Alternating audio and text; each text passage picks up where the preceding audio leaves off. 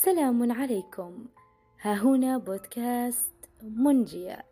يا أهلا ويا سهلا ويا مرحبا بكم أعزائي المستمعين. يقال أنه من طال بالغيبات أتى بالغنائم.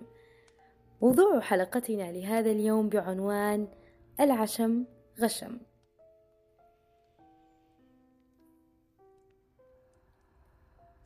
كثيرا ما كنت أقرأ هذا المثل الشعبي وأستغربه جدا وأتساءل ما معناه ولماذا يقال؟ ولكن مع مرور الوقت أدركت أنه مثل له ألف معنى. ففي أحيان كثيرة تجد نفسك واثق تمام الثقة في أن أحدهم سيتصرف معك بشكل معين وعشمان فيه لتجد أنك كنت مخطئا وتصرف بشكل مختلف تماما. وتعتقد أن فلانا يفتقدك وسيسأل عنك فتجده ناسيك وأن علانا لن يسيء فهمك أبدا فتجده أساء فهمك بدون حتى الرجوع إليك. وآخر كنت تعتقد تماما أنك لن تهون عليه أبدا ولا يهون عليه عشرتكم الطيبة. لن يتركك تنام وأنت حزين بسببه فتجده هان عليه ولم يؤثر فيه إطلاقا. وآخر تفعل المستحيل لإرضائه والدفاع عنه ومساندته فتجده يعاتب أنك من ظلمته.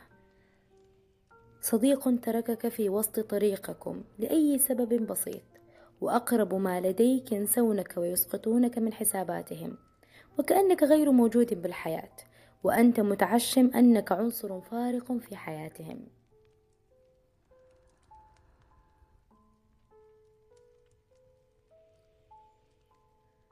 شخص تعمل معه بكل ود واحترام. وفجأة ينسحب منك وقد تكون في وقت تعثر شديد في العمل. ولا يعبأ أن خروجه في هذا التوقيت بالذات قد يدمر عملك نهائيا. في الواقع يا أعزائي العشم لا يقتصر على الناس فقط. فقد تتعشم بخروجة سعيدة فترجع محسور وقد تتعشم بصيف مريح فتجد الأمواج تلطش فيك من كل صوب وجوب. قد تتعشم في من يهون عليك مصاعب الحياة فتجده من يصعبها عليك أكثر. وهنا أنصحك لا تجعل عشمك كبير حتى لا يكون وجعك أكبر.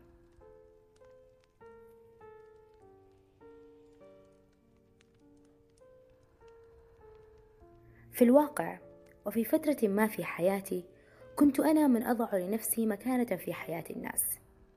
وكنت أضع مكانة عالية جدا ولم أعلم أنني مخطئة إلا بعدما صدمت بالواقع. واكتشفت بأن هؤلاء الأشخاص ليسوا بسيئين أبدا بل هم أشخاص طبيعيون وضعوني في مكانة ومقام معين ولكن كان أقل مما كنت أتوقع. ولكي أتخلص من المشاعر المغايرة هذه قمت بقلب الأدوار وذلك بالتركيز في حياتي. فأنا ليس كل من في حياتي مهم أو ذوي قيمة فهناك من لهم أهمية وقيمة كبيرة في حياتي كأهلي وأحبتي وأصدقائي وهناك من أقل منهم كالمعارف والأقرباء البعيدين وهناك من ليس لهم أي قيمة في حياتي كالأشخاص العابرين فيها. وحينها فقط. تأكدت أنني لا يجب أن أعشم الناس بمكانة في حياتي ليست لهم وأن لا أتعشم بمكانة في حياة الناس ليست بلي. فلذلك لا تستثني أحدا مهما فعلت من أجله حتى لا تنصدم بشدة فلا تكن غشيما في عشمك.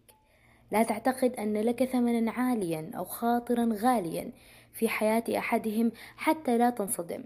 ودوما تذكر أن يكون عشمك في الله وحده فهو اللطيف والحنان والمنان الرحيم الذي لا يهون عليه عباده أبدا. وفي الختام أعزائي المستمعين هذا سلام مني لكم.